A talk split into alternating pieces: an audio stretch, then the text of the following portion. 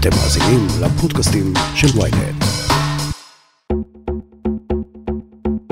הכותרת, הפודקאסט היומי של ויינט עם עטילה שומפלבי. שלום לכם. על בני גנץ נאמר כבר כמעט הכל. הוא חטף בשנתיים האחרונות את מה שפוליטיקאי ממוצע חוטף ב-30 שנה. גנץ נחבט, נרמס, אבל ממשיך להילחם. השבוע הוא הגיע לאולפן ynet לשיחה כנה ופתוחה עם הגולשים. אתם שאלתם, גנץ ענה.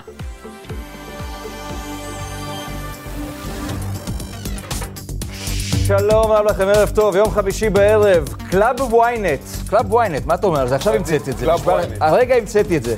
שבוע שעבר הייתה פה מרב מיכאלי, עכשיו אתה, זה club. בוא נראה, בוא לא נראה. צריך צ'ייסר, לא צריך מוזיקה, לא צריך שום דבר. שר הביטחון, ערב. טוב לך, אדוני. אה? שלום. ערב טוב. ערב טוב. אהלן. מה העניינים? מצוין, תודה רבה. שר הביטחון, במשך שעה, עם השאלות שלכם, גולשי ynet בפייסבוק, אתם מוזמנים לשלוח אלינו שאלות גם עכשיו. אתה מוכן לזה, אדוני? זה שעה של שיחה אני קשוחה. כולי דרוך והכל בסדר, זה עוד רחוק מסוף היום שלנו, ואנחנו בפול יש פה כוח. טמפו. רגע, אני רק רוצה לוודא משהו שלמרות הגובה האינסופי שלך, אנחנו באותו גובה. תודה רבה להפקה. הם עבדו בזה כל היום. טוב, שאלה ראשונה, דקל, למה אתה לא פורש? שואל דקל. דקל, שלום לך. בשום פנים ואופן אני לא פורש, אני רוצה לעבוד בשבילך, אני לא יודע מאיפה אתה, אני לא יודע בין כמה אתה, אבל אני בסך הכל צעיר, יש לי עוד הרבה מאוד שנים. אני למדתי המון בשנתיים האלה, אני חושב שאני אהיה מסוגל ליישם אותם בתוכניות שלי. אני מתכוון להמשיך קדימה, לחזור ולצמוח ולהמשיך לשרת את מדינת ישראל עם הערכים שאני מאמין בהם, שהם ערכים מרכזיים, ערכים נורמליים, כמו שצריך, ממלכתי, ביטחוני, חברתי, כלכלה מתונה. עובד בשביל האזרחים, לא מתכוון לעשות. שיג... יש כאלו שיגידו, כולל אה, הפרשנים הציניים, שאם היית כזה מההתחלה, אולי לא היית במצב הזה היום. יכול להיות, אבל... אבל לא אני- דקל, זה עטילה שואל. זה אטילה, אז אני אומר לך, אטילה, אתה יודע, שאלו אותי עכשיו, הייתי בכנס אה, בבר אילן, וזה כנס משפטי, ואני היחידי שלא משפטן. שר המשפטים, מה לא? לא, אבל לא משפטן. אה, בסדר. ואז שאלו אותי, שאלו אותי, מכל השנתיים האלה, מה היית לוקח? אז אני אומר לך, אטילה, ואני אומר את זה גם לדקל בבית. הייתי לוקח את כל הניסיון שצברתי בשנתיים האלה, עם כל המכות ועם כל החבטות, מהוון אותו מחדש לתחילת הדרך. אני מתחיל פרש, אבל הרבה יותר מנוסה, מתכוון להמשיך, ואת כל מה שלמדתי, להשתמש בו קדימה. אתה יודע, אנשים שמאוכזבים ממך, כולל, אה, מי זה היה? דניאל, השואל הבא, הוא אומר, תשמע, אתה מדבר מאוד בתקיפות נגד נתניהו עכשיו. איך יכול להיות שעם כל מה שאתה אומר עליו, אתה עדיין יושב אצלו בממשלה? גם עכשיו. כי אני שומר. אה, איך קוראים לבו- לשואל שלנו? דניאל. דניאל, שלום לך. אה, תשמע טוב, אם אני, אני זה שהפסקתי את שלטון היחיד של נתניהו, ואם אני עוזב את הממשלה, אני מחזיר לו במתנה שלטון יחיד. אני לא מוכן לזה, אתה לא באמת רוצה את זה, ואני אומר לך, גם כל נציגי המפלגות והגושים שהם אינם נתניהו, לא רוצים שאני אעזוב את הממשלה, אני יושב במשרדים הרלוונטיים, אני שומר על הדמוקרטיה, אני שומר על הביטחון, אני מנהל את משרד החוץ, אני מנהל את משרד החקלאות, תיירות, עלייה וקליטה, תפוצות, אה, רווחה, כלכלה ותעשייה, בכל זה אנחנו נמצאים שם. אם אנחנו לא שם, נתניהו עושה את מה שהוא רוצה. ומה הדבר הראשון שהוא רוצה? זה שאנחנו לא נהיה. זאת מזימת אפריל שלו, זה מה שהוא מתכנן. הוא מתכנן לפטר אותנו בכחול לבן. המזימה- אגב, אני חייב להגיד לך שמזימת אפריל זה חזק. זה, זה, זה סלוגן, חז- זה אבל- חזק, אבל- קשה למכור, מזימת אפריל. לא, אבל בוא זו נסתכל- מזימה שהוא עושה את זה ב-all out כל יום, מה אתה צריך לא, להגיד אבל על חבר'ה, מזימת בוא אפריל? נסתכל האיש אומר, אני רוצה לשלוט במשרד המשפטים, אני רוצה לשלוט ביועץ המשפטי לממשלה. הוא צריך לתקלד את זה כאפריל, הוא רוצה את זה כל הזמן. זה נכון, אבל אנחנו לא נותנים לו. הוא היה רוצה לעשות את זה כל הזמן, אבל אנחנו לא נותנים לו. בסופו של דבר, ב- אנחנו שומרים על הדמוקרטיה הישראלית מבפנים. וברגע שאנחנו נעזוב את הדמוקרטיה הישראלית, אנחנו נוותר לנתניהו. כן. הרי כל מי ששואל אותי את השאלות האלה, הוא לא רוצה שאני אוותר לנתניהו. אבל לפי זה, אני רוצה להגיד לך משהו, אדוני שר הביטחון, שר המשפטים, מה שתרצה. מיכאל שכטר אומר, תשמע, כשמקשיבים לך, מבינים שאולי אתה תהיה באופציה, או שוב בסיטואציה, אם תעבור את אחוז החסימה, שתצטרך להחליט האם ללכת עם נתניהו או בחירות חמישיות. האם ל- ל- ל- לשמור על נתניהו, מה שנקרא, מפני עצמו, מפני הצ... הצ- הצרכים שלו והרצונות שלו, או ללכת לעוד ללכת בחירות. מה תעשה אז? שוב תהיה דילמה. אם זה מה שיקרה, אני אמצא שם בממשלת המעבר הזאת, על פי החוק הפריטטי הזה, אני אשמור שהוא לא יעשה דברים שאסור לעשות אותם, ואז נגיע לבחירות חמישיות. אני מקווה שזה לא יקרה, אני מקווה שנוכל להקים ממשלה ישרה שתחליף את נתניהו.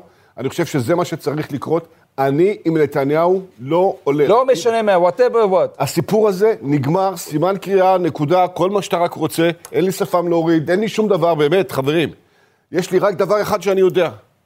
הייתה פה מגפה נוראית. מדינת ישראל הייתה במשבר בריאותי, כלכלי והחברתי מהגדולים שהיא ידעה. ובעת הזו נתניהו לא מצליח להתרומם לגובה השעה, אני, מבחינה פוליטית, עם האיש הזה, אבל מר גנץ, תגיד, למה זה לא עובר? אתה יודע, ההסבר שלך לוגי. הוא באמת לוגי. אנשים יכולים להבין, להגיד, שמע, בן אדם הלך, עשה מעשה, אה, ראש הממשלה עמד כל ערב ואמר, אלונקה, אלונקה, אלונקה, בא בן אדם, סחב את האלונקה, קרס תחת האלונקה, כי הקריסו אותו, שמו לו אבנים על הגב. שואל טל, למה שנאמין לך הפעם?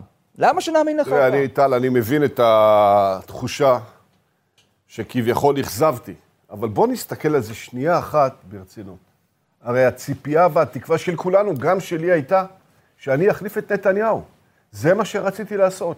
רק מה לעשות ש-61 פחות 3 זה 58, ולא הייתה יכולת להחליף את נתניהו. אבל היה לך אופציה ללכת על פה- החוק, ללכת עם חוק אה, לא, פרסונלי שאומר אותם- לו, ראש ממשלה עם כתבי אישום לא יכול לכהן. כי אותם, אנשים לא ש... או. אותם אנשים שלא רצו להקים ממשלה ברשות המשותפת, גם לא היו רוצים לתמוך תמכו בחוק פרלמנט, לא? תמכו בדבר הזה, ולכן לא היה אפשר להעביר את החוק הזה. אני גם חושב שבצ... שבג"ץ היה פוסל חוק פרסונלי, אבל זה, אתה יודע, רלוונטי רק. שזה, רק שזה רלוונטי. ואני רוצה אבל להגיד בצורה מאוד משמעותית, חבר'ה, אני מבין שאתם מתבאסים איתי. גם אני, עליך, גם גם עליך. אני מתבאס מהתוצאה. גם עליך ואני מתבאסים. רוצה שאל תתבאסו עליי, כי אי אפשר, וזה יהיה לא הוגן, ואני אומר לכם, זה לא הוגן לא לקחת בחשבון שלא הייתה תוצאה מאפשרת, והייתה פה פנדמיה ומגפה חמורה ביותר, ואני חייל של מדינת ישראל, רואה כזה אירוע, נכנס מתחת לאלונקה, גם אם ישימו לי 17,000 אבנים. תראה, לפני דקה הסברתי את זה, כי למה אתה. לא פורש. בא שקד אומר, רגע, שנייה, חכה רגע, לא הבנתי. עם המספרים שיש לך כרגע, תפלוש עכשיו, תעשה קצת הפסקה, אנשים אוהבים אנשים בהפסקה. מפלגת הפסק זמן, נקרא לזה כך. חכה לבחירות הבאות, אולי זה יהיה עוד אני חודשיים. חושב שלעזוב עכשיו את הממשלה ולא להמשיך, זה לתת לנתניהו את המתנה הגדולה שהוא היה רוצה לחזור ולשוב אליה. הוא מתגעגע לשלטון היחיד של נתניהו. אני את זה הפסקתי, ואני מתכוון לעשות לו וידוא עזיבה. והוא ילך למקום אחר, ובזה זה ייגמר. תבוא ממשלה אחרת, נחליף אותו, נמשיך איך? קדימה. אה, אה, יש לך מספרים, אגב, שאנחנו לא רואים? כי תראה. הסכיזופרניה בסקרים מטרידה פה את כולנו. לא מבינים מה הולך. אני חושב שהמפתח הגדול ביותר, אה, הוא מורכב אצל שני אנשים, הוא מורכב אצל בנט והוא מורכב אצלי. בנט, שלא הכחיש או לא שלל את האפשרות ללכת עם נתניהו, יכול להשלים לו לכדי 61, ואז הסיפור הזה גמור. ואם בנט לא הולך עם נתניהו, אז המספר שלי שהצטרף לגוש שאיננו נתניהו, יכול לייצר אה, חסימה טובה ויכולת להחליף אותו. ולכן אני חושב שבזה תלויות הבחירות. אני מתכוון להמשיך להיות המפלגה המשפיעה, אני כנראה לא אהיה המפלגה הגדולה, אני קורא את ה... זה כנראה לא יקרה הפעם. זה כנראה לא יקרה הפעם. הפעם. אני חושב שהתוצאות שלנו יהיו טיפה יותר טובות ממה. שצופים לנו, אבל מה, אני, שבעה מנדטים כזה? אני מקווה לשבעה ולשמונה מנדטים. שבעה, שמונה זה תחיית המתים. שמע, קודם כל, אנחנו שזה- לא יודעים, שזה- לה... וואו, אבל אנחנו לא יודעים להגיד שאין דבר כזה, כי יום אחד אולי זה יקרה, נדע את זה כשזה יקרה.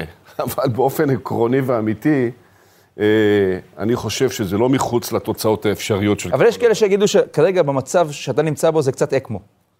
זה קצת טיפול באקמו. כי אחרת, אה, לא זז. בלי אקמו אתה לא נושם לבד. כן, תשמע, אבל בסופו פוליטית אני אומר, לא, וזה- אני וזה- חושב, אני חושב שבאופן ריאלי, אנחנו כבר הרבה זמן יציבים מעל אחוז החסימה, והולכים וגדלים, ואנחנו כבר מחוץ לאקמו, ואנחנו מחוץ למכונת ההנשמה, אנחנו כבר מתחילים לעשות מה שנקרא נשימה עצמונית, והיא תלך ותגדל, לפתח את רשימה עצמונית מזמן לא היה. הרבה. זמן לא שמענו את כן. המושג הזה. שמעון אומר, אפרופו הנה, אני לוקח אותך למגרש שאתה אוהב. ירדן, מה דעתך על מה שקרה עכשיו עם ירדן היום? היום ספציפית, חמור. אתה מתריע מזה כבר איזה שבועיים, חמור שלושה. ביותר, התייחסתי לזה, אני חושב שזה אסון. לא פחות מאסון מדיני, ביטחוני, וזה בעיניי חמור מאוד, תביטו. ירדן... ראש הממשלה אומר שזה יתיישר, הכל בסדר, אפשר לטוס. אני ממש מקווה, ואני גם עובד על זה יחד עם גבי אשכנזי, ואני ואנשים אחרים במשרד הביטחון ומשרד החוץ ומשרדים אחרים, ככל שאני יכול לרתום, אני חושב שצריך לרתום. תראו, נתניהו הוא ראש ממשלה מ-2009. היחסים עם ירדן באופן קונסיסטנטי קפאו בזמן. מחכים לרבין ש... או, מישהו, או מישהו אחר שכאילו ימשיך טיפה את המסורת. למה אי אפשר שבכל שנה ניזום פרויקט משותף אחד נוסף עם הירדנים? מה הסיפור שם? אגב, אם, אם כבר פתחנו את זה, זה מה הסיפור שם? ראש? הממשלה לא מסוגל לדבר עם בית המלוכה? בית המלוכה לא רוצה לשמוע מראש הממשלה? אה, מה הסיפור? להערכתי, יש שם שבר גדול מאוד ביחסים בין המנהיגים. אני חושב שנתניהו... ברמה האישית? כן, שנתניהו שמתלהב ומספר על יחסיו עם כל העולם ועם כל המנהיגים בעולם, מאוד חשוב לקדם את היחסים עם ירדן. אני אומר לכם, תראו מה קרה. את אי השלום הפסדנו, את אדמות צופר הפסדנו. יש לנו יחסים ביטחוניים טובים עם ירדן, אני מכיר אותם, אני לא אפרט אותם פה בצורה טובה. צריך לפתח יחסים אחרים, שלום בין העמים, מיזמים כלכליים. אתה באמת מקפץ. מקפצץ בין אה, רבת עמון לבין ירושלים מדי יש פעם? לי את התנועות שלי, אבל אני ברשותך... לא, היית שם בירדן לאחרונה? באיזה פגישה, פורסם משהו. שהייתי, איך שהייתי, אה, יש לנו את הקשרים שלנו עם ירדן, ויש הרבה אנשים במערכת הביטחון שעובדת, והפלטפורמה הביטחונית היא פלטפורמה קיימת. יש לנו הרבה אינטרסים משותפים ביטחוניים, אבל אני אומר לכם, חברים, זה לא צריך להיגמר בזה. כל המרחב של עמק הירדן, בקעת הירדן, הערבה, בואכה אילת, צריך להיות מרחב משותף של תשתיות משותפות, של מיזמים, של פרויקטים, ששני הצדדים מפתחים ומטפחים. זה מה שצריך לקרות. אני שואל, איפה היה נתניהו ביחסים עם ירדן במשך 12 שנה? למה זה לא התקדם? אתה אומר, זה עניין פרסונלי של ראש הממשלה. שמקלקל את היחסים. טוב, חזי מחזיר אותנו לפוליטיקה. אדוני שר הביטחון, האם אה, תקדם חוק להגבלת קדנציות מיד בכנסת הבאה? היא, תודה רבה על השאלה, התשובה היא כן, קובי, שאני אקדם את הסיפור הזה. בכניסתי לכנסת, כבר לפני שנתיים, חתמתי על הצעת החוק הזאת. לא יכולתי בקואליציה הנוכחית, לצערי, לקדם אותו. אני חושב שזה אחד מאבות הטומאה של הפוליטיקה הישראלית. זה שאין, תדרוש את זה בהסכם הקואליציוני? בוודאי. אם, אם תהיה חלק מקואליציה כזאת, כן, תדרוש את זה בהסכם הקואליציוני. חד משמעית. אתה יודע, אני, אני מסתכל, מישהו שואל פה, אה, אור, שכנע אותי להצביע לך בלי להזכיר את ביבי. אתה יכול? כן, אני חושב שמה שאני מייצג, אור, זה בסופו של דבר איזון מאוד רציני בין כמה מרכיבים. ראשית, אני חותר לשלום, ואני עושה את זה תוך שמירה על הביטחון. מדינת ישראל חייבת לחתור לשלום וחייבת לשמור על הביטחון. אנחנו צריכים למצוא את השילוב הזה של בין עוצמה ביטחונית וצבאית לבין עוצמה מוסרית, ורק השילוב של בין חתירה לשלום לבין שמירה על העקרונות הביטחוניים שלנו יכול להביא לנו את הסיפור הזה. שתיים, מבחינה כלכלית, אני חושב שכמה שפחות נתעסק בהתערבות אה, במשק הישראלי וניתן לשוק החופשי לעשות את העבודה שלו, כך ייטב. אבל יש למדינת ישראל אינטרסים. כשאנחנו מסתכלים בראייה של 2048, 2050, אנחנו נהיה פה 17-18 מיליון אנשים. אם מדינת ישראל לא תפתח את הכלכלה לגליל, אם היא לא תפתח את הכלכלה לבאר שבע, אני לא יודע מאיפה אתה בדיוק, כן. אה, לפתח אותה לבאר שבע, לא יקרה. הדבר השלישי שהוא קריטי זה שמירה על החוק. אני מגן על הדמוקרטיה. עכשיו, יותר מזה, אני אגיד לך, ואני אומר את זה לצופים בבית, אני מגן על ישראל מבחוץ, ואני שומר על ישראל מבפנים, גם על זה שהיא תהיה בטוחה, גם על זה שהיא תהיה דמוקרטית. והדבר האחרון שאני, בתשובה הקצרה הזאת, תדבר עליו, זה בסופו של דבר אחדות בחברה הישראלית. אנחנו צריכים להתחיל לדבר אחד עם השני. לא לריב אחד עם השני מהבוקר עד הלילה, לא לשסות אחד את השני אחד בשני, בשביל להרוויח עוד איזשהו משהו בפוליטיקה, אלא להיות ביחד, כן. בתוך מסגרת משותפת. תקשיב, עברו כמה דקות כבר, אנחנו משהו כמו רבע שעה כבר בתוך האירוע. יש המון תגובות בפייסבוק, אני רואה את זה, אני לא מספיק אפילו לקרוא, אבל אומרים לי פה ב control שאנחנו מוצפים. לא, אני אגיד לך, זה מתחלק... שיגידו לי מאיפה האנשים, אני מת לדעת מאיפה... אתה מת לדעת איפה מדבר אנשים, מה, תלך אליהם הביתה? לא, תשאל אותם. תשאלו שמע, אותם. תראה מה, תראה את החלוקה הנורא מעניינת הזאת. ועכשיו, הדברים שאני אומר פה הערב, אני צריך להזהיר עוד פעם. הם ייעלמו מיד עם צאתו של שר הביטחון, ופעם הבאה שאתה תהיה פה, זה לא יהיה כזה חמור. לא יהיו פה חיוכים, אבל הפעם זה השאלות שלכם, אז אני מחייך. עליזה אומרת ככה, שמע, אולי אתה טוב מדי, אני לא מאמין שאני אומר את זה, בשביל פוליטיקה. כי אגב, התגובות מתחלקות כאלה. בגדת, דפקת אותנו, רימית אותנו, לך, לך, לך, לך. חצי שני, בואנה, אתה אחלה. בערך זאת החלוקה עכשיו בתגובות בפייסבוק. ועליזה אומרת, אתה טוב מדי. אולי, עזוב, עזוב את זה, רוצה- עזוב, בני, עזוב. עליזה, תודה רבה. על ה- אני תופס בזה מחמאה ברשותך, אבל אני שואל את עצמי, הלכתי היום ברמת גן בסיור, והתווכחתי עם בן אדם ברחוב. אמרתי לו, תגיד לי, מה אתה רוצה מהמנהיג שלך? אז הוא אומר לי, אני רוצה שהוא יהיה אמין, אני רוצה שהוא יהיה ישר, אני רוצה שהוא ידאג לחברה בישראל, אני לא רוצה שאנשים יריבו אחד עם השני, אני אומר לו, רגע, רגע, רגע. ואיפה אני... למי אתה מצביע? למי אתה מסביר את הסיפור הזה? אה, רק ביבי. אני גאה להיות טוב בעניין הזה, ואני רוצה להוכיח לכולם שאפשר להימצא בתוך הפוליטיקה ולהיות בן אדם טוב ובן אדם ישר, ואיפה שאתה טועה להגיד שטעית, איפה שאתה לא טועה להמשיך קדימה, להיות נחוש, להיות ממלכתי. מגיע ועל הגיע הזמן שזה מה שיהיה. ועל זה כותב יעקב פה בפייסבוק שלנו, בסדר, בסדר, בסוף אנחנו שומעים שאתה תוקף את ביבי כל הזמן בתקופה האחרונה. כל- זה מה שאתה מוכר לנו. ביבי, ביבי, ביבי.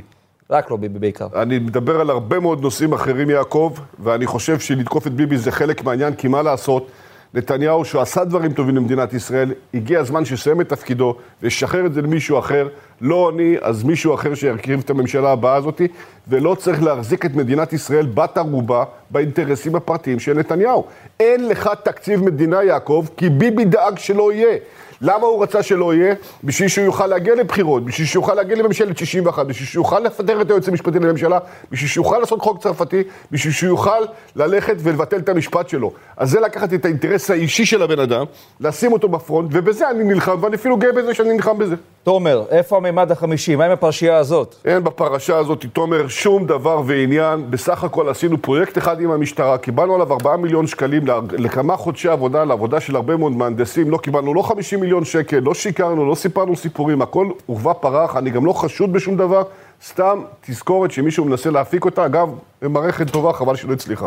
תגיד, אה, איך הקשר עם היועץ המשפטי לממשלה?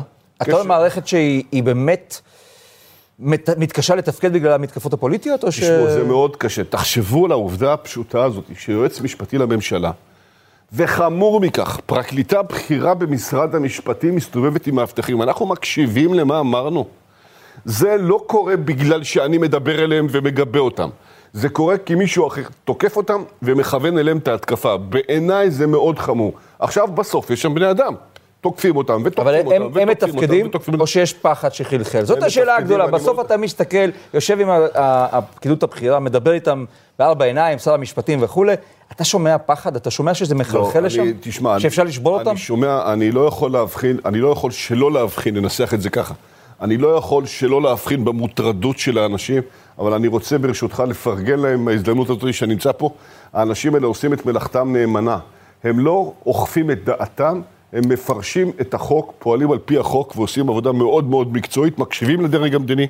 מנסים לשרת את המדינות ככל שרק ניתן, מוודאים שדברים, שדברים קורים על פי החוק, וטוב שכך. אפרת שואלת, האם ניסו אה, לסחוט אותך, אדוני שר הביטחון? ואני אוסיף לזה... האם ניסו מה? לסחוט, לסחוט אותך. האם אתה סחיט? אני לא סחיט ולא ניסו לסחוט אותי ולא יצליחו לסחוט אותי והכל בסדר. רגע, סליחה, אבל הבטיחו לנו איראנים. בוא, אני אחייך עכשיו. אני רציתי לראות אותך נסחט על ידי האיראנים. איפה זה? חבר'ה, אני משוכנע שהאיראנים הרבה יותר מודאגים ממני ממה שאני מודאג מהאיראנים. ממה שאתה יודע עליהם, ממה שהם יודעים עליך. זה אתה מתכוון? לא, לא, ומה שעושים, מה, ש, מה שעושים לאיראנים הם הרבה יותר מודאגים ממה אני אעשה להם, מאשר אני מודאג ממה שהם יעשו לי. אני לא סחיט ולא... מה, זה היה- פלופ? איך זה הולך? לא סחיט ולא בטיח. תגיד, אבל מה, זה היה פלופ כל הסיפור הזה של הסחיטה? דבר, זה היה אינטרס של אנשים לנפח סיפור קטן ולהפוך ממנו סיפור גדול. אני לא מתכוון להתעסק בסיפור הזה, זה חדשות ישנות, לא מהשלג דאשתקד, מהשלג שלפני, פעמיים אשתקד. שים לב איזה שאלה חוזרת שוב ושוב בתוך בזה. אילן שואל, איזה ערבויות תוכל לתת לציבור שרוצה להצביע אולי לך, או בכלל, שלא תערוק לנתניהו בסוף? חבר'ה, תחת לחץ. לא מאמין, תראה, תראה מה לא, זה. לא, אני- זה קשה לתקן את הדבר אני הזה. מבין את זה. קשה. אני- אני- אתה אני- ניהלת שלוש מערכות בחירות שאמרת, זה או אני, או ארדואן. פלוס מין, אתה זוכר את זה? אני זוכר את העניין הזה, חברים, אבל אני חוזר לתקן. ואומר, הקורונה לא נגמרה, אבל שיא המגפה אחרינו. אנחנו נתחיל לחיות כרגע בשגרת קורונה, ולא נהיה כפופים לקורונה. אנחנו נתנו צ'אנס לנתניהו לקיים פה ממשלת אחדות במשך שלוש שנים ולהפסיק את הריב הישראלי. נתניהו לא עמד בעניין הזה, בחר דברים אחרים. הרומן הפוליטי הזה הסתיים ולא ניתן לשחזר אותו. עכשיו, אין לי אלא לומר את זה ולקוות שאתם תאמינו לי. אה, ו- ולקוות שאתם אה, מאמינים לי, ואין סיטואציה שבה אני יושב עם נתניהו תחת הממשלה שלו. אלא אם כן תראה תהיה תראה ממשלת כמה זה מעבר. קשה. להגיע ל-35 מנדטים, נדמה לי, היה יותר קל מלתקן את מה שאיבדת ב- יכול- בלילה אחד של חתימה. יכול, יכול מאוד יכול להיות? יכול, יכול, יכול מאוד להיות, אבל אני רוצה להגיד לך לא, כי אני פשוט, אני זוכר את הקמפיין. שמע, היה קמפיין קשה. היה כל הראשון קשה. היה קשה, השני, השלישי היה קשה. תשמע, והגעת להישגים מטורפים. עכשיו אתה נלחם על זה שיגידו לך, שמע, בני, מאמינים לך. זה נכון. מדהים. אני חושב שרוב, בסופו של דבר רוב הציבור מאמינים לי, אני חושב שיש הרבה שמאוכזבים, אז הם לא מצביעים לי, אבל זה לא שהם לא מאמינים לי. הם, כמו שאמרתי מקודם, מבואסים ביחד איתי מהסיטואציה שנוצרה, כי כולנו רצו, כולם רצו. רצו להחליף את נתניהו. רצו להחליף את נתניהו, וגם אני רציתי ראו להחליף את נתניהו. לראשונה מזה שנים במחנה שלך, אבל בוא תסתכל. בן אדם שעומד מול נתניהו, וואלה, לא לא לא נופל ממנו. כן, אטילה. ותראה מה הוא עשה ממך. אטילה, אבל. תסתכל, תסתכל בסופו של דבר, למה אנשים צריכים להאמין לי. תראו, אחרי הבחירות השניות, נתניהו הציע לי רוטציה אחרי חצי שנה. לא אחרי שנה וחצי, אחרי חצי שנה. אם הייתי מחפש איזשהו כיסא לחמם אותו, לחמם אותו עם הישבן למה לא לקחת את זה? לא רציתי, כי לא רציתי לשבת במדינה, רציתי להחליף אותו. מה שקרה אחרי בחירות שלוש, זה הסיטואציה של הקורונה. אם היא הייתה קיימת אחרי קמפיין 2, אולי היינו מדברים. אבל למרות זאת, נתניהו לא נתן את הצ'אנס הזה למדינת ישראל תגיד- לחיות באחדות תחת מגפה, לכן זה נגמר. אני, אני, אתה יודע, זה מילים שלי, אם, ת- אם תחתום, אה, מקובל עליי. אתה קראת לו אה, תחמניהו, נכון? באחד ה... אני לא חושב ה- שאמרתי את המילים ככה, אבל יש הרבה דברים תחמון, לי. תחמן, היה סיפור שם עם התחמנות כן, אני הזאת. רואה שהתופעה הזאת היא בהחלט קורית אה, הרבה מאוד אני אלך. עם זה צעד נוסף, ברשותך, ממני. תגיד לי אם אתה מקבל את זה. מה שקרה לך בסופו של דבר, זה היה מעשה נוכלות. שמה שעשו לי. כן. נכון, נתניהו ניחל אותך. נכון. לדעתי נתניהו עם עצמו, בינו לבין עצמו, מהרגע הראשון, תכנן לחסל אותי פוליטית באמצעות זה שהוא יעשה לי את מעשה הנוכלות שאתה מדבר עליו, יפגע בתדמית שלי, במובן הזה היא הצליחה. אף אחד מהאנשים האחרים לא מתקרב לגובה שלו, ומהבחינה הזאת לנתניהו זה מצליח. כן. אני לא מתכוון לוותר, אני מתכוון להמשיך להיאבק ומתכוון להתאושש, ובסופו של דבר, אני לא ויתרתי על החלום של ראש הממשלה ועל הכוונה להגיע ליעד הזה. אני מבין שהוא לא אפשרי עכשיו, אני מתכוון להצליח בבחירות האלה, להימצא בכנסת, להימצא בקואליציה הבאה במידת האפשר, להמשיך להיאבק על הדברים שאני מאמין בהם. אתה יודע שהיה פה רגע שכמעט. נפלתי מהכיסא. איך? היה רגע שכמעט נפלתי מהכיסא. חשבת על עכשיו, לא, כן, אמרת, לא ויתרתי על החלום להיות ראש ממשלה. נכון? אמרת את זה עכשיו פה. נכון, אני אמיתי. חוזר ואומר לך את זה. עכשיו, זה לא חלום במובן של השכרה, זה חלום במובן של השפעה. העשייה וההשפעה, ואני מתכוון לחזור לעניין הזה. אני מבין שכרגע... זה ריאלי? לא עכשיו, לא, זה חשיבה ריאלית מה שאתה כן. אומר? זה עוד יום מטורף. אחד נשוחח שיחה כזאת. עוד יום אחד תזכור את השיחה של הערב. הכל מצולם עם פה, הצופים מוקלט. ועם אנשים בבית. יום אחד זה יקרה, משהו ישתנה. יום אחד אני, בני גנץ, יהיה ראש ממשלת ישראל. יום אחד זה יקרה, משהו ישתנה, משהו ייגע בנו. יום אחד זה יקרה. רגע, רגע, אתה מצלם את זה, שוקו? בני גנץ אומר, יום אחד אני אהיה ראש הממשלה. נכון. צולם, עוד מעט נחתוך את זה לטוויטר. טוב, אה, בן שואל, האם תיתן חיסונים לחמאס?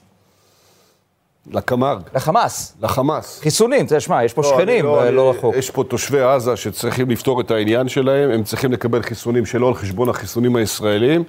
אה, ככל שמצבם הבריאותי יהיה יותר טוב, היציבות תהיה יותר גבוהה, הפגיעה בנו. אבל מה שחשוב, אם כבר מדברים על חמאס, אבל אתה תומך לתת אה, לא גם חושב- לעזה לא חיסונים אם לתת, זה לא אפשר. חיסונים שלנו, זה חיסונים שהם צריכים לקבל אותם, אוקיי. מדינות רוצות לתרום להם ואפשר להעביר להם את הסיפור הזה. לנו יש שני אינטרסים ברצועת עזה, נקודה. אחד, שיהיה שקט ויציבות ביטחונית. שתיים, שישובו הבנים הביתה. על שני הדברים האלה אנחנו מתעקשים. לא צריכים לתת מה שלא צריכים לתת, מה שלא חייבים לתת, מה שחייבים לתת מבחינה מוסרית נכון לתת, מה שלא חייבים לתת מבחינה מוסרית לא נכון לתת, צריך להחזיר את הבנים הביתה. מוריה, למה כרמטכ"ל צוק איתן לא דאגת להחזיר את שאול וגולדין? אפרופו... כן, אז בתוך כדי המערכה. עצמה הדבר הזה לא הסתדר, ומאז אנחנו עוסקים בעניין הזה, אנחנו בקשר עם המשפחות, אנחנו מפעילים הרבה מאוד מאמצים מודיעיניים ומבצעיים ומגעים מדיניים כאלה ואחרים, היינו שזה קרובים לא ברגעים המקום. מסוימים? סליחה? היינו קרובים ברגעים מסוימים? היינו קרובים לאירוע? אני חושב שאם נצליח להתקרב לאירוע הזה בצורה טיפה יותר טובה, יהיה נכון, כולל לקחת סיכונים מבצעיים בשביל להצליח לעשות את זה. הופה, רגע. תן לי לבדוק אם הבנתי. לקחת סיכונים מבצעיים כדי להחזיר את אם חיילינו. אנחנו נמצא את היכולת לממש פעילות מבצעית, נצטרך לשקול את זה לגופן. אתה מעדיף את זה על פני תשלום... אני לא אומר פה במחבלים כרגע את. עמדתי, אני לא אומר פה כרגע את עמדתי, מה צריך לעשות בעסקאות כאלה לא, ואחרות. זאת עמדה מעניינת, כי אומר- עד עכשיו תמיד דיברו בסך לא, המכר. אני אומר אומר, גם את זה כשהייתי רמטכ"ל וגלעד שליט היה בשבי החמאסי, אם הייתה לי אופציה מודיעינית, מבצעית, מאפשרת להביא אותו במחיר סיכון סביר, הייתי עושה גם את הדבר הזה. מעניין. תגיד, מה קורה עם הסיפור של אלי כהן? מחפשים, זה באמת זה סיפור אמיתי, מה שקורה זה בסוריה? שמועות שאני שומע אותם ואני... שמועות, ראש הממשלה אמר, זה נכון. אוקיי, אני It's ממש... true, אמר ראש הממשלה. It's true. אני מקווה שגופתו של אלי כהן תושב לישראל, גם אם מישהו ירוויח מזה איזשהו רווח פוליטי, זה ברגל שעבד לטובת מדינת ישראל, לוחם ישראלי, נשלח בשליחות המדינה, נתלה בדמשק, גופתו אבל לא יש באמת. חיפושים, כמו שראש הממשלה ראש הממשלה רמז? אמר true, אז לא, השאלה אם אתה בתור שר ביטחון לא אמור לדעת מזה. אני אה, לא נכנס כרגע לדברים שקורים באפיקים המבצעיים, אף פעם לא נכנסתי לזה באפיקים המבצעיים. אני מקווה שיום אחד גופה של אלי כהן וכל הדברים האחרים שנעדרים אה, יחזרו לשוב הביתה. מנדי, שלום מנדי, מה תעשה אם לא תעבור את אחוז החסימה?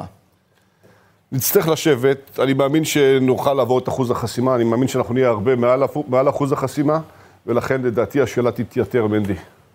מה אתה חושב על בן גביר והנוכחות שלו במערכת הפוליטית? שלום ליאור. ליאור, זה בעיניי מאוד מאוד חמור. אה, אני בכלל חושב שהקצוות הן קצוות שמסכנות את הרוב. אה, בל"ד בקצה האחד, בן גביר בקצה האחר, אלה שתי קצוות שמושכות את המערכת הפוליטית הישראלית החוצה, ויכולות לגרום לקרעים בתוך החברה הישראלית. אני חושב שקיצוניות מכל סוג שהוא, הוא דבר שהוא לא קביל. בשום דבר אסור שנהיה קיצוניים, אולי ביושרה שלנו. אבל החיבור של נתניהו לבן גביר זה חיבור... אה, נתניהו, מש- זה משרת אותו, והוא... תמונה קתולית? הוא שום דבר, הוא כל מה, כל מה שישאיר אותו בשלטון ויאפשר לדחות את המשפט שלו, זה מה שהוא יעשה. זה מדהים שאתה יודע, הזמן טס, ובדרך כלל בדברים האלה אתה מצפה שאנשים קצת אה, יצמצמו את השאלות, אז קודם כל, רק שתדע, יש עניין גדול מאוד, כרגע יש יותר מ-600 איש שצופים בנו, פלוס מינוס, ויש המון שאלות, המון הערות, כל שנייה, כל דקה. אוהד זה שואל, כמעט מזכיר לי את הזומים שלי.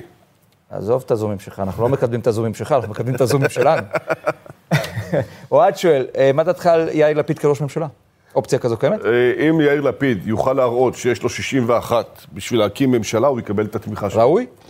כן, עשה דרך ארוכה, יוכל להיות ראש ממשלה. כן? אתה ממליץ עליו? לא תהיה לך בעיה? אמרתי, כל אחד שיהיה לו יכולת להרכיב ממשלה מבחינת כמות האלקטורל. והדבר השני, שנסכים איתנו על עקרונות היסוד, יקבל את התמיכה שלי. בפעם הקודמת, הרי הוא ויתר על הרוטציה, והוא נתן לך להוביל שלוש פעמים בעצם. יש כאלה שיתהו ויגידו, רגע, אם אתה חושב שהוא ראוי עכשיו, למה לא נתת לו להוביל פעם קודמת? כי אני חושב שאני הייתי צריך להוביל, ואני חושב שלולא המגפה והצורך להיכנס לסיטואציית החירום שהיינו, היינו נמצאים במקום אחר לחלוטין. לצערי, יאיר ובוגי בחרו לפרק את כחול לבן וללכת מחדש לד- ליש עתיד ויש עתיד אה, תלם, וככה התפרקה המיזם של כחול לבן הגדולה. אני עסוק בלשקם אותה מחדש, ולאט לאט נצמח. יוסי שואל, מה קרה ביניכם שם? כאילו, מאחורי הקלעים, מה קרה לא, בדיוק? ב- ב- לא, ב- לא קרה. הוא טוען, לפיד הרי, שאתה רימית אותו. אתה אומר, אה, יאיר פירק אותנו לפני שבכלל הלכנו למהלך. לא רימיתי, מה האמת? אני לא רימיתי אף יוסי. אחד, ואני לא יכול אה, ברשות האנשים, אני לא אקח שיחות שהיו בארבע עיניים ואשרוף אותם בחוץ. זה הזמן. זה לא הזמן. בחוץ, זה משפחה, תראה, זה כולם כן, פה כן, נכון. בשואלים זה- שאלות שמקבלים זה- תשובות. זה נכון. חברים, אני רציתי ללכת לאחדות נוכח הסיטואציה שבה היינו. יאיר העדיף את המאבק בביבי אה, נוכח תפיסות העולם שלו בעניין הזה. אה, על הרקע הזה הם בחרו ללכת. אה, אני רוצה להזכיר לציבור שכשהחלטתי ללכת לאחדות ושיאיר פירק את כחול לבן, עוד לא הייתה ממשלה. הרי באופן תיאורטי יכול להיות מצב שלא היינו מגיעים להסכם קואליציוני, כחול לבן כבר הייתה מפורקת, לא כי אני פירקתי אותה, והיינו נמצאים באותו מקום כבר לפני ארבעה-חמישה חודשים. לכן, אין שום היגיון בזה שאני אפרק את כחול לבן, זאת העובדה. טוב, איך אתה בינתיים? אני בסדר גמור, איך אתה? אנחנו עוד מעט חצי שעה בתוך האירוע. הכל בסדר, התגובות בינתיים זורמות. חבל הזמן, כמויות מטורפות של שאלות. אה, אפשר להיות פה איזה יומיים אם אתה רוצה. כאילו, עד שתענה על כולם, אתה יודע, זה לא חוץ פשוט. מזה שאני צריך אה, להתעסק בכמה דברים ביטחוניים, תוך כדי אז הכל בסדר. אז אני אתן לך שנייה לנשום, אוקיי? תבקש מים, תרצה מים? הנה האדם שלנו, דאג. לך למים. אתה רואה, אנשים. פה דואגים, זה לא, זה- כמו בקיבוץ. יפה מאוד, תודה רבה. דואגים שתשתה. תודה רבה, אה, אדם, על הדברים האלה. תשמע, אדוני שר הביטחון, אני רוצה לשאול אותך משהו ברמה האישית. יש לך זמן? יש לי מעט מאוד זמן של עצמי. בסוף, אה, מה היה ההובי הקודם שכאילו ויתרת עליו? לא, אבל הוא לא נובע מזה. ההובי שלי היה לרוץ. באמת? ואני כתוצאה מהניתוח בגב לא יכול כבר למעלה אוקיי, אז שים שנה משהו. אחר, הובי שלא היה קשור לריצה. אה, ערבי שירה עבריים, אה, בגלל הקורונה. אנחנו אוקיי. כבר חוזרים לסיפור. השנה דפקה לך את החיים. אז לא, אז קודם מה כל, הקורונה מתחילה לזוז ואפשר לחדש בצורה מבוקרת ואחראית גם את מופעי התרבות. אנחנו נחזור, אני מקווה, לערב זמר כבר בעוד שבוע, שבועיים, ונשמע שירה עברית יפה, וזה יהיה כיף מאוד גדול. איזה שיר עברי אתה הכי אוהב? וואו, יש הרבה שירים שאני אוהב.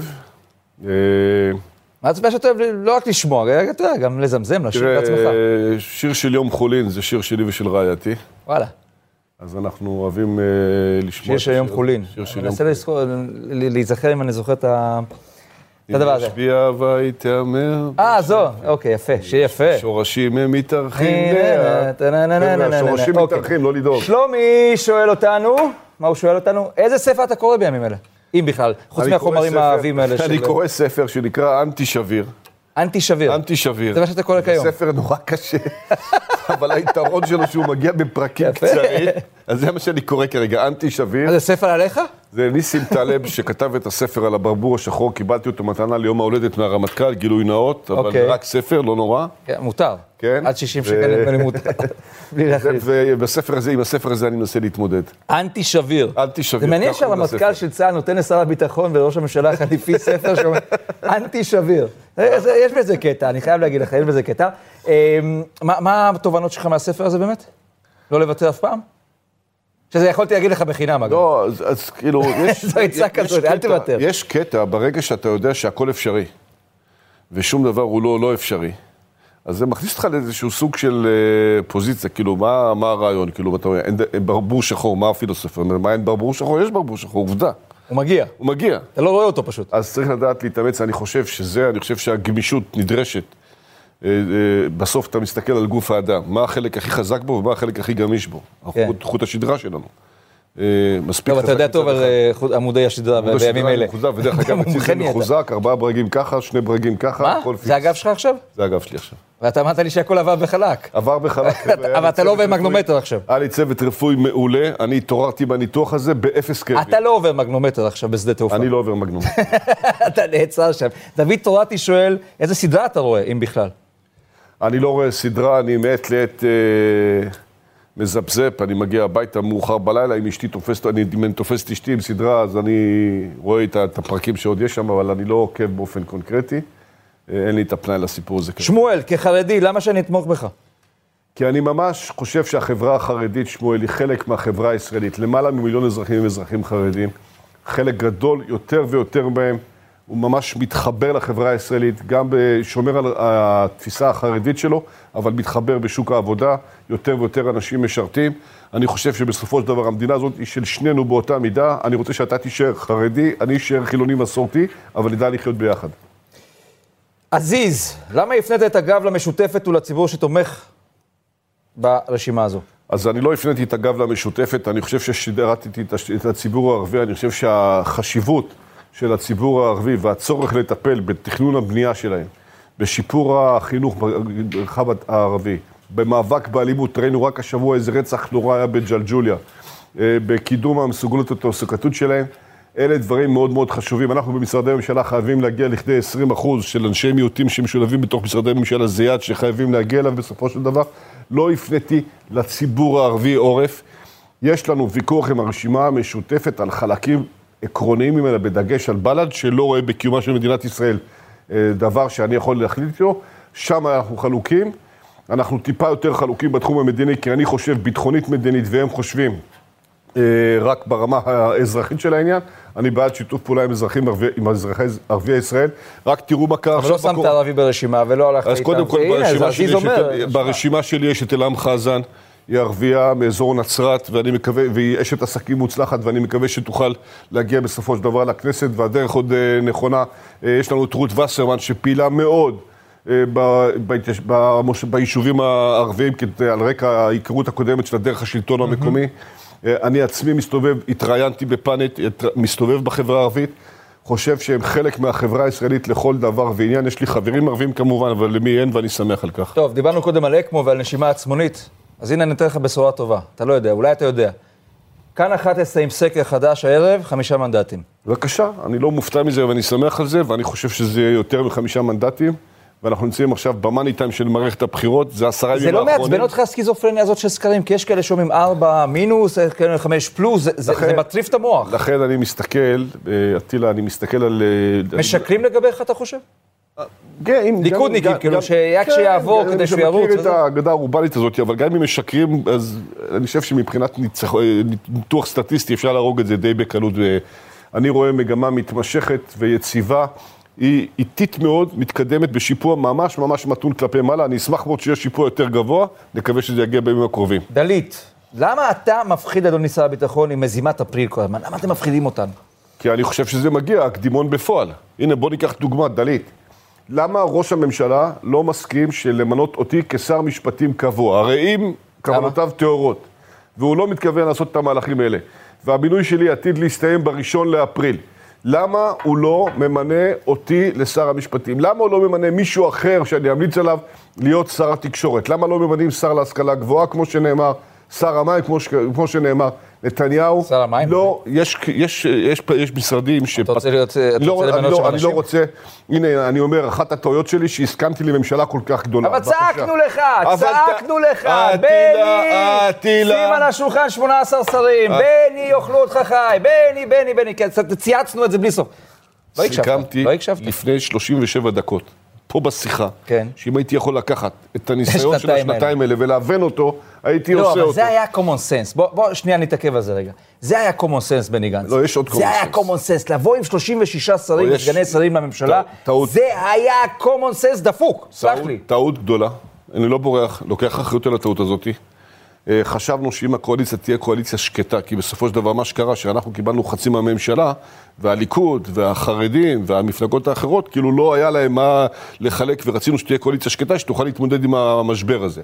טעות, אני לא בורח מהעניין הזה. שגיתי שהסכמתי לממשלה כל כך גדולה, אני חושב שמספרים שבין 18 ל-24 הם מספרים סבירים. יש לעיתים, אתה, אתה רוצה שמרכיבי הקואליציה יהיו שבעים פוליטית, נקרא לזה ככה, בשביל שהממשלה תוכל אה, לתפקד, זו הייתה טעות. אם הייתי ציני, הייתי אומר שבמקום לרוץ לכנסת, רוץ לטיבט לאיזה שנה של אה, תיקון טעויות כזה, את לא, הוויפאסנה אין, לשנה. אה, אין כל כך הרבה, בוא. לא, אתה מתנצל המון, זה טעיתי, פה לא, טעיתי, לא, לא, טעיתי. לא, לא המון, בוא נבדוק, סליחה אחת. אני, יש לי שתי טעויות אה, מאוד משמעותיות. אחת, זה באמת גודלה של הממשלה, אפשר היה לדרוש שהיא תהיה אחרת. שתיים, אפשר היה לפרק אותה באוגוסט ולא להמתין לנובמבר-דצמבר. זה הכל, כל השאר. נוכח הנסיבות שהיו, נכנסתי פנימה ועשיתי את מה שאני מאמין שיהיה נכון. טוב, נכון. רפאל שואל, פנחסוב, אדוני שר הביטחון, האם אתה מאמין שתופרים תיקים, זה בעצם שר המשפטים, האם אתה מאמין שתופרים תיקים ב- בישראל לאזרחים, כלשהם, בכלל, באופן כללי, תופרים פה תיקים? לא, אני לא חושב שלא, אני מקווה שלא, ואני חושב שכל הזמן צריכים לבדוק את הסיפור הזה, וכל מי שחש שתפרו לו תיקים צריך לפנות לנציבות פניות הציבור, הן במבקר המדינה, הן במקומות אחרים. יש אחד אזרח, ביבי, בנימין, נתניהו, שטוען שתופרים פה תיקים, טוב, אז אני חושב ש... זה מגניב אם תקבל מכתב ממנו שאומר, אדוני שר המשפטים, אני מרגיש כן. שתופרים לו תיק. מה תעשה עם הדבר הזה? תבדוק אותו? אני אעביר אותו ליועץ המשפטי לממשלה. כיצד אה, תמנע את בריחת המוחות? שים לב איזה קפיצות יש לנו פה. מי שואל? גרי, כיצד תמנע את בריחת המוחות מישראל? אני חושב שזאת נקודה מאוד חשובה. יש לנו אנשים פנטסטיים, למדינת ישראל יש הון אנושי נהדר, יש מערכת השכלה גבוהה מאוד מאוד טובה, ואנחנו צריכים לפתח תשתיות לאומיות במדינת ישראל, כי גם בפריפריה וגם במרכז, ולתעדף חברות שעוסקות בתחומים האלה, בשביל שהתחומים האלה ייכנסו פנימה וכמה שפחות יעזבו את הארץ, ואלה שעוזבים את הארץ ירצו בסופו של דבר לחזור. זה בסדר שאנשים הולכים לתקופה מסוימת ומוגבלת, תופסים עוד טיפה ניסיון, חוזרים עם הקשרים שלהם, אבל נטישה קבועה ומתמשכת זה דבר שהוא בהחלט בעייתי ומאוד מאוד מטריד. לוי, היי לוי, הנה שאלה מעניינת. בני גנץ, האם אתה מאמין באלוהים? אחרי השנה הזאת. זו שאלה מורכבת אה, מאוד. כן, אני אדם מאמין, אני לא אדם דתי, אני לא שומר יהדות כהלכתה במובן המלא של המילה, אני כן שומר על מסורת ישראל. אה, מדי אה, שישי יש לנו קידוש בבית, או בארוחה באשר שאנחנו, איפה שאנחנו לא נמצאים. אה, עובר על פרשת השבוע, אה, משתדל לא לעבוד אלא בנושאים מבצעיים. זהו, זה קטע, אי בשבת. אפשר להוציא, אי אפשר להזיז אותך בשבת. זה, זה, אני, אני במלחמות עולם עם הצוות שלך לא בעניין. יעזור לך. אני, בשבת, אומרים לי, אין, אין שבת. אין שבת. שבת, מרגע כניסת שבת ועד יציאת שבת, אני עוסק אך ורק בנושאים מבצעיים או בנושאים שאינם קשורים בשבת שמע, זה קטע, כי יש לפעמים אה, רגע- רגעים ששופכים עליך זפת בשישי בלילה, ואני בצרחות עם הצוות שלך, לא, עזוב, זה מה, שישי, על שבת, זה- לא, אי על אפשר, זה על- קטע. על זה נאמר, יותר מששמרו בני ישראל על השבת, שמרה השבת על בני ישראל, אני מאמין בעניין הזה ואני מתכוון. להמשיך. אתה אמור לקבל עכשיו רבע מנדט מהחרדים, רק על המשפט הזה. זה לא יקרה כנראה. שמע, אתה הצלחת להתקשר עם, עם הח"כים החרדים. אתה מבין את הקשר הזה שיש לחרדים עם נתניהו? אריה דרעי הערב, ב, ב, גם את זה פספסת. מה, אתה לא מבין מה הלך. מה הלך? רק ביבי, היידה ביבי, רק אנחנו, ככה. טוב, תשמע. אה, זה הצ- האיש עם הערבות. הציבור, החרדי, בסופו של דבר יש שם את אה, ש"ס, שזה סוג של ליכוד, אבל בגישה חרדית מסורתית. ויש שם את המפלגות האחרות, אה, אגודת ישראל ודגל התורה, שהם לאו דווקא ימניים כל כך כמו שנניח הליכוד עצמו, אבל הם כרתו ביניהם ברית פוליטית, זה לגיטימי בחברה הישראלית, זה לגיטימי במערכת הפוליטית. אני רק רוצה לקבוע שאני חושב שאני מסוגל לשבת איתם, להגיע להסכמות משותפות, איך הם חיים את חייהם, איך אני חי את, חי, את חיי, ושיחיה כל אחד על פי אמונתו. מי שואל? יש לנו שאלה מעניינת. אבל מרדכי שואל, מה דעתך על הגנרלים? חבריך, שמנסים לחסל אותך פוליטית, עם מכתבים וקריאות לפרוש וזה ופה ושם. כן, מרדכי, זה לא נעים, בואו נגיד את האמת. אז, אמרת, נדמה לי, תקיעת סכין בגב? כן, זה לא נעים, אני מסתער על היד, מנסה להשיג פה הישגים טובים, ובמרכאות כפולות תוקפים אותי מאחור. זה עדיין אני- קורה, אגב? לא. ואני- נגמר, זה נעצר. נגמר, הדבר הזה נגמר, ואני מתכוון להמשיך להיות ממוקד בהשגת המטרות. למה לדעתך זה נגמר, בעצם? כי אני חושב שהם רוא- עיניהם הרואות שאני יציב, ואני מתקדם, ואני חושב שבינם לבין עצמם הם מצטערים על אני, המכתב אני הזה. רוצה לשאול אותך שאלה אחרת שמתסכלת שוחחתי אותך בטח זה. באופן אישי. למה כל כך קשה בימינו אנו, לדעתך, למכור את המוצר הזה ששמו בני גנץ, ואני, ואני אתן לך עכשיו מחמאה וזה לא יקרה יותר.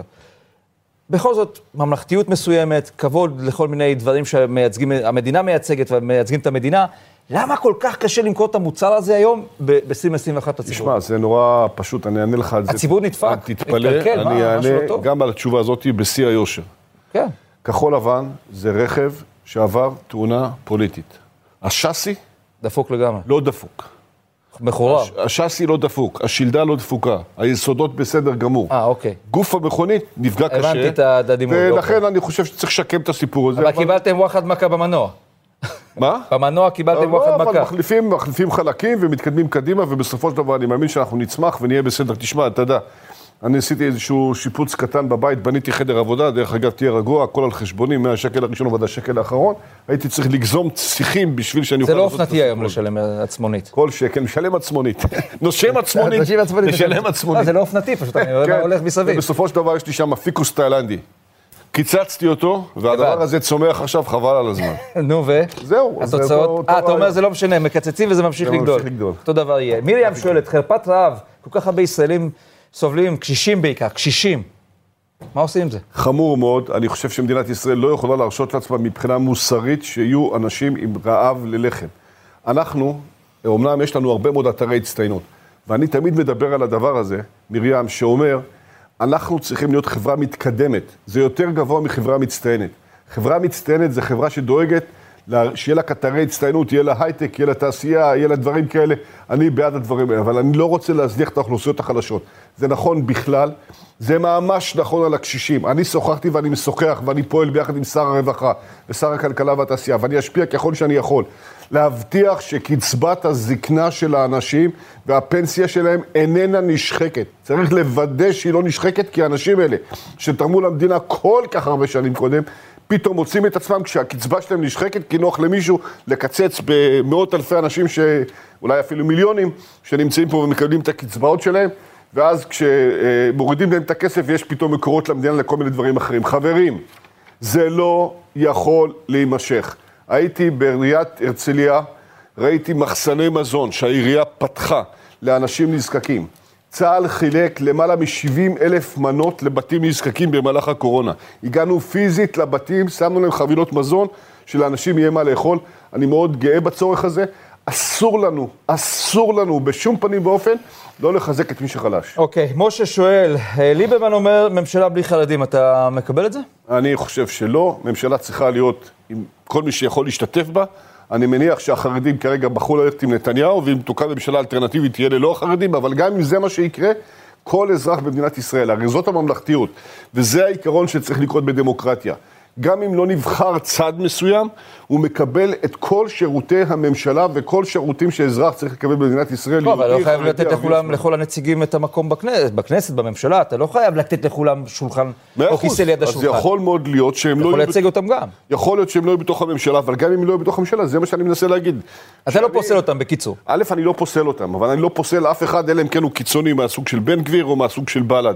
אבל אם אתה מבטל את השוליים הקיצוניים, אתה אומר כל השאר הם קבילים לשותפות פוליטית, וכולם זכאים לשירות ממלכתי מממשלת ישראל. אני רוצה לשאול אותך משהו לגבי אה, אה, הסיפור הזה של החרדים, אני נשאר פה עוד שנייה אחת. אה, שאלה שלי. היסטוריה. בא שמעון פרס בזמנו, בשנות ה-80, סוף שנות ה-80, 1990, אה, תרגיל מסריח קראו למה שקרה לו, בגלל החרדים גם. אתה מרגיש שעשו לך פה תרגיל מסריח? בעיקר דרעי. תשמעו, אה, דרעי אמר שהוא יהיה ערב לכך שההסכם יקוים כלשונו, הוא לא עשה את הסיפור הזה, זה במסגרת הניסיון שצברתי בשנתיים האלה. אה, פוליטיקאים, צריך להיות מאוד אה, זהירים במה שמסכמים, תסמוך על עצמך, זה מה שמומלץ וזה מה שאני אעשה בהמשך. אתה לא מרגיש תרגיל מסריח? כי זה בדיוק אותו סיפור. נתנו לך כאילו הבטחה להיות ראש הממשלה עם ממשלה, ולקחו לך את זה. כן, נעלמו. אז אני חושב שזה חמור מאוד, ואני חושב שזה חמור מאוד פעמיים. פעם אחת כי יש הסכם, אבל יותר חמור שההסכם הזה נחתם בתקופה משברית של מדינת ישראל, והיה ראוי לקיים אותו, ולו לתקופה המשברית הזאת, בשביל לעבור בצורה טיפה יותר טובה את המשבר הזה שאנחנו נמצאים בתוכו. אתה תתפטר, שואל סער, האם תתפטר מתפקידך כראש ממשלה חליפי? זאת אומרת, אתה תוותר על, הדבר הזה. תיכנס לכנסת, הממשלה, ממשלת המעבר תמשיך, תוותר על ה... אני גם עכשיו, חבר'ה, שיהיה ברור, התואר ראש הממשלה החליפי הוא לא נועד בשבילי, הוא בכלל מבחינתי נועד בשביל נתניהו. כי אני שר הביטחון ואני לא צריך שום הגדרה אחרת. ואני אמור להיות שר הביטחון וראש הממשלה בנובמבר, לו היינו מגיעים על פי ההסכם ליעד. מי שהיה נשאר ללא תואר, נתניהו. נתניהו. ולכן המציאו את התואר ראש ממשלה חליפי, בשביל שיגיע הרגע, הוא יוכל להיות עם תואר. גם ראש את זה הוא ממשלה. יפיל לך על הגב, אתה רואה? אתה רואה? איזה יופי. בסדר גמור. אבל הציבור... אתה סוחב גם את זה. הציבור הוא ציבור נבון, מבין עניין, ואני בטוח שהוא יכיר את הדברים. תגיד, אדוני שר הביטחון, אתה אוהב את התפקיד שלך? כן. כן? כן. הוא מרגש אותך? כי אתה בא עם כמה, 35 שנה בצה"ל? כן, אבל אה, בצה"ל? בסדר גמור. תראה, אני לא רמטכ"ל על, ואני לא נמצא בתפקיד שלי מעמדת הרמטכ"ל. אני נמצא בתפקיד שלי דרך ההתבוננות ברמה היותר מדינית, אסטרטגית. אני בקשר עם המפקדים, אני מכיר את כולם, אתה יודע שזאת גאווה גדולה, להצליח להסתובב בצבא. וכל האנשים שאתה פוגש, הל"מים ותיקים, תע"לים, זה אנשים שהיו פקודים ישירים שלי, והם עכשיו בעמדות מפתח. איך אומרים, אין אדם מתקנא בבנו ובתלמידו, והם כולם היו בניי, והם כולם היו תלמידיי, וכל בוקר שאני פוגש את האנשים האלה, אני מאוד מאוד נהנה מזה. לי אומרת, אתה איש ערכי. הנה, אתה מקבל גם. מחמאות פה בשיחה הזאת. תודה רבה. יש עוד הרבה, אבל, אה, וגם דברים קשים, אנחנו מסננים את הדברים הקיצוניים. מחמאות יותר מדי טובות וקללות יותר מדי אני חזקות. מציע לא ללכת לשום קיצוני. זליכה, תגיד, הוא צריך לפרוש? תראה, אני לא מתעסק בלתת לאנשים את ההמלצות לפרוש או לא, כל אחד חייב לבצע את הערכת המצב הפוליטית שלו. אז זה נאמר, חושב אה, מספיק. כן, אני חושב שזליכה מביא איתו ניסיון כלכלי רב משמעות. למה לא חברתם? זליכה- רצה לרוץ באופן, אה, באופן אה, עצמאי. אני חושב שזליכה מביא ניסיון כלכלי חשוב. כן, הוא יכול לשרוף עשרות אלפי קולות. אני מקווה שלא, ומקווה שנוכל למצוא דרך לשתף פעולה. רבע לתשע, זה אומר שיש לנו כמה? עוד אה, שבע דקות, שבע דקות על השעון. הנה, עלינו. עוד מעט אנחנו מסיימים את השעה. אה, בואו נראה מה הולך בפייסבוק, אני אסתכל קצת מה קורה פה. תגיד, מה תעשה עם ארבעה מנדטים, שואל מישהו, אה, באופוזיציה נגיד. תגיע עם ארבעה מנדטים ולא לא יסתדר, תהיה באופוזיציה. מה אז תעשה? נמשיך לשרת את העקרונות של. כחול לבן, ונקדם אותם ככל שרק אפשר. בסופו של דבר אפשר להשפיע במידה מסוימת גם מהכנסת, פחות מאשר משפיעים מהממשלה, זה נכון, אבל לא נוותר על זכות ההשפעה שלנו, ונחזור ונבנה את הכוח. כחול לבן כאן בשביל לצמוח בעתיד, ואנחנו נעשה את זה. דורית שואלת, האם יש לך אג'נדה לגבי זכויות בעלי חיים? כן, אני חושב שאנחנו צריכים להיות הרבה יותר סובלניים בכל מה שקשור בהגנת הסביבה ובחמלה לבעלי חיים. יש היום לולים למשל שהם הרבה יותר מתקדמים. איך אתה יודע? אני מסתובב, אני רואה. מי זה האיש הזה? שר החקלאות. לולים, איך אתה יודע לדבר על לולים, תגיד? לא, עכשיו אני רוצה לך להשתתף. לחורפיש. מאיפה אתה יודע מה יש בלולים? אני מסתכל, כי יש לי אנשים שמסתובבים, וגם אני מסתובב ומכיר. לך לחורפיש, אצל לימת פארס, תראה איזה לול מתקדם, איך בסופו של דבר, הדבר הזה, התרנגולות שמטילות חיות בצורה טיפה יותר שפויה קודם. אה, אנחנו צריכים לנהוג בחמלה כלפי בעלי חיים, אנחנו צריכים לנהוג באחריות כלפי הסביבה שלנו, אסור לנו לבנות בנייה שהיא לא בנייה ירוקה. אסור לנו לעשות פה כבישים בלי לקחת בחשבון על מה אנחנו נוסעים, מאיפה אנחנו נוסעים, איך נראות מערכות הניקוז של המים שלנו. תראו רק מה קרה בנהריה, כשלא עשינו את הבנייה כמו שצריך, איך העיר הזאת נשטפה בשני החורפים האחרונים. הדברים האלה צריכים להתנהג עליהם באחריות. אורי שואל, האם תתמוך בגדעון סער לראשות הממשלה? האם... תתמוך בגדעון סער. אני חוזר ואומר, אם גדעון סער יראה שהוא יכול להקים ממשלה, ואם גדעון סער, וזאת נקודה חשובה, יגיע איתי להסכמות שמרניות בתחום המדיני-ביטחוני, וישמור יחד איתי על מערכת המשפט, כי לגדעון יש תפיסות יותר ימניות כן. ממני, הן בתחום מערכת המשפט והן בתחום המדיני-ביטחוני, אבל אני מאמין שנוכל להגיע לשפה משותפת, ואם הוא יוכל להרכיב ממשלה, יהיה לו את הגיבוי שלי. דרעי בכנס ש"ס, פה מאחוריך רץ על הטיקר, אל תסתובב, אני אקרא. זה או נתניהו או לפיד, לא תהיה רוטציה ולא תהיה מוטציה. בסדר, אה, סגנון בכנס בחירות, זה נשמע דווקא סלוגן אה, יפה. אה, דרעי היה ערב לממשלת רוטציה, היה צריך לעמוד אנשים מאחורי שואלים פה, תגיד, לא ידעת שהוא מערבב אותך?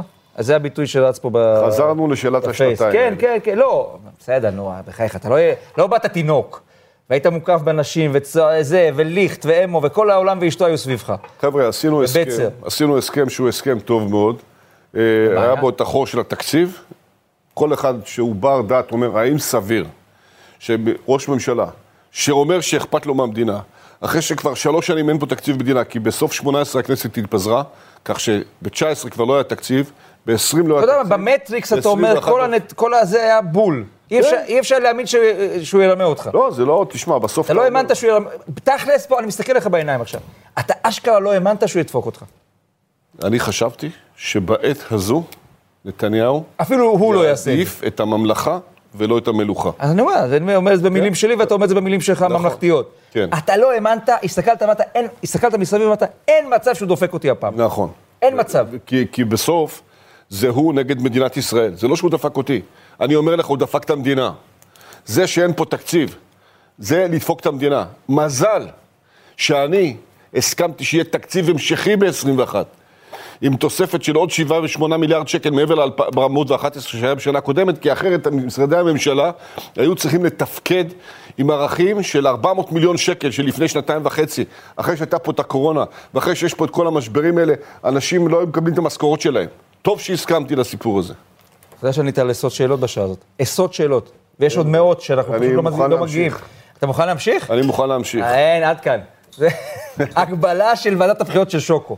אין יותר משעה, אבל אה, יש לי עוד שאלה אישית שאני רוצה לשאול אותך. קודם כל, תודה רבה לגולשים, באמת. תודה רבה לכם. פה... הדבר היחידי שהיה חסר לי זה לשמוע מאיפה מאיפה הם האנשים. באו? מה וזה אני נעשה? מציע לכם כשיפור לפעם הבאה. איפה הם באו? כן, יגיד לי, אני יהושע מכפר יהושע. רגע, אורי. אה, אה, אורי אומר, מה דעתך על הדב- על הדברים של ניצן הורוביץ, אפרופו החקירה בהאג? אני חושב שהדברים של ניצן הורוביץ הם דברים חמורים, מקבילה לפוסט-ציוני. אני הייתי רמטכ"ל, ואני יודע איך צה"ל פעל בצוק איתן, ואני יודע כשר ביטחון איך צה"ל פועל מאז צוק איתן במערכות האחרונות ובכל האתגרים הביטחוניים שיש לנו. אני אומר לך, אז אתה טילה, פוסל אותו? כי בנט אני וסער לא כבר פוסל אף נפלו. אחד, לא. אתה שאלת אותי מה אני אומר על הדברים שלו, לא מה אני כן. אומר על ניצן. אני אומר על הדברים שלו שהם הדברים דברים שלו חמורים. מאפשרים לך לשבת איתו? כן, חברים, תקשיבו. בואו נהיה זהירים בנושא הפסילות. אם זה קיצוני בל"ד, אם זה קיצוני בן גביר, יש בעיה. אבל אם זה חילוקי דעות ומחשבות כאלה ואחרות, יש מקום לוויכוח עמוק. אני אבל רוצה לחזור שוב פותח את תיבת הפנדורה שאומר, אה, אז איך נאמין לו שלא יושב עם ביבי? לא, לא, לא, אני רוצה, אבל אני רוצה, אבל אני רוצה. רגע אחת לחזור לסיפור של האג, ברשותך, כי זה כן, נושא מאוד חשוב. כולנו שולחים את ילדינו לשרת בצה"ל, המפקדים שלנו משרתים שם, זה צבא העם שלנו, הוא זה שמשרת שם. אני אומר לכם שיש לנו חובה מוסרית כפולה. הראשונה היא להגן על אזרחי מדינת ישראל ומדינת ישראל, והשנייה לעשות את כל המאמצים, למנוע כמה שאפשר פגיעות אצל האויב בקרב אנשים שאינם מעורבים. מה לעשות שארגוני הטרור מתמקמים בתוך שטחים אורבניים, בתוך האוכלוסייה האזרחית, אנחנו עושים את כל המאמצים בשביל להרחיק אותם מהאזורים האלה, אבל אנחנו חייבים להילחם. אנחנו לא הולכים למלחמות שלא צריך אותם, הולכים למלחמות רק כשצריך אותם, ואז מפעילים את כל הכוח בצורה הכי מדויקת והכי אם עוצמתית אתה שיש צריך לה. להמר, או לא להמר, כי אתה יודע את הנתונים ואת הפרטים, באיזו גזרה תידלק המלחמה הבאה? טוב, בסוף אה, יש לנו שתי גזרות מאוד אה, רגישות. רצועת עזה היא גזרה נפיצה. יש שם גם את חמאס, גם את הג'יהאד האסלאמי פלסטיני, גם כל מיני ארגוני סוררים בתוך המערכת הזאת שיכולים לשגר פתאום חימושים. אה, אירוע טקטי יכול להתפתח בצפון ולהתלקח לכדי מלחמה, אבל אני אומר לכם דבר אחד נורא פשוט. אנחנו מוכנים בכל הגזרות, ואם תהיה מלחמה, היא תהיה קשה גם למדינת ישראל, כי העורף הישראלי יותקף, אבל הצד השני יחטוף, וואו וואו. גם איראן? כל מי שיתעסק איתנו. גם איראן תחטוף? כל מי שיתעסק. אתה מודאג מהמשא ומתן עכשיו שהאמריקנים רוצים לחדש? אני חושב שאסור לחזור להסכם הישן שהיה מלא חורים כמו גבינה שוויצרית. אני לא אעשה פה עכשיו הרצאה שלמה על הסכם. הגרעין, JCPOA וכולי. אנחנו חייבים להגיע לדבר מחודש, חזק, גם בנושא הגרעין, גם בנושא הפעילות האיראנית השלילית בכל רחבי המזרח התיכון. מי שגורם לאי יציבות במזרח התיכון, בעיראק, בסוריה, בלבנון, בתימן, זה בדיוק האיראנים ובזה צריכים להילחם. האייתולות צריכות להזיע? כל זמן שאתה שר ביטחון? אני חושב שהן צריכות להבין שלא צריכים להתעסק עם מדינת ישראל. מדינת ישראל היא מדינה חזקה, הקשר שלנו עם העולם בכלל ועם ארה"ב בפרט הוא קשר טוב וצריך לחזק אותו, ויש על מה לעבוד, ואנחנו צריכים להמשיך את זה. אתה שומע את זה? לא. יש לי שורשים, הם מתארחים לאט, אתה רואה... זה אות סיום. במקום. אנדר, קבוע, רשמי וזה וזה, קיבלת את השיר שביקשת. אה, אדוני שר הביטחון. יושב ראש כחול לבן, זאת הפעם האחרונה שאני מחייך אליך בריאיון. לא יקרה יותר. תודה רבה. תודה רבה, אה, ואנחנו כמובן נתראה בהמשך עם עוד פוליטיקאים. אה, תודה רבה, באמת. תודה אה, רבה. עדיין שומעים אותנו בזמן שמדברים. תגיד, אני. חייב לשאול אותך שאלה אישית. תשאירו את זה שאני אוכל לשאול אותו. יש שני בני גנץ, היום עכשיו היית שעה אפס לבסוסים. לפעמים אתה עולה לשידור מול טלוויזיה, אתה לא זוכר את למ- למנחה. תשמע משהו. מה זה, מי זה, שני אנשים שונים? תקשיב, השם משפחה שלי, הגנצה, הוא בעצם שלם. אז אני אולי אדם שלם, אבל לא אדם מושלם. דברים יכולים לקרות. בני גנץ, לילה טוב, תודה רבה. לילה טוב לכם, להתראות. פרטים קטנים, שמחות קטנות של יום חולין.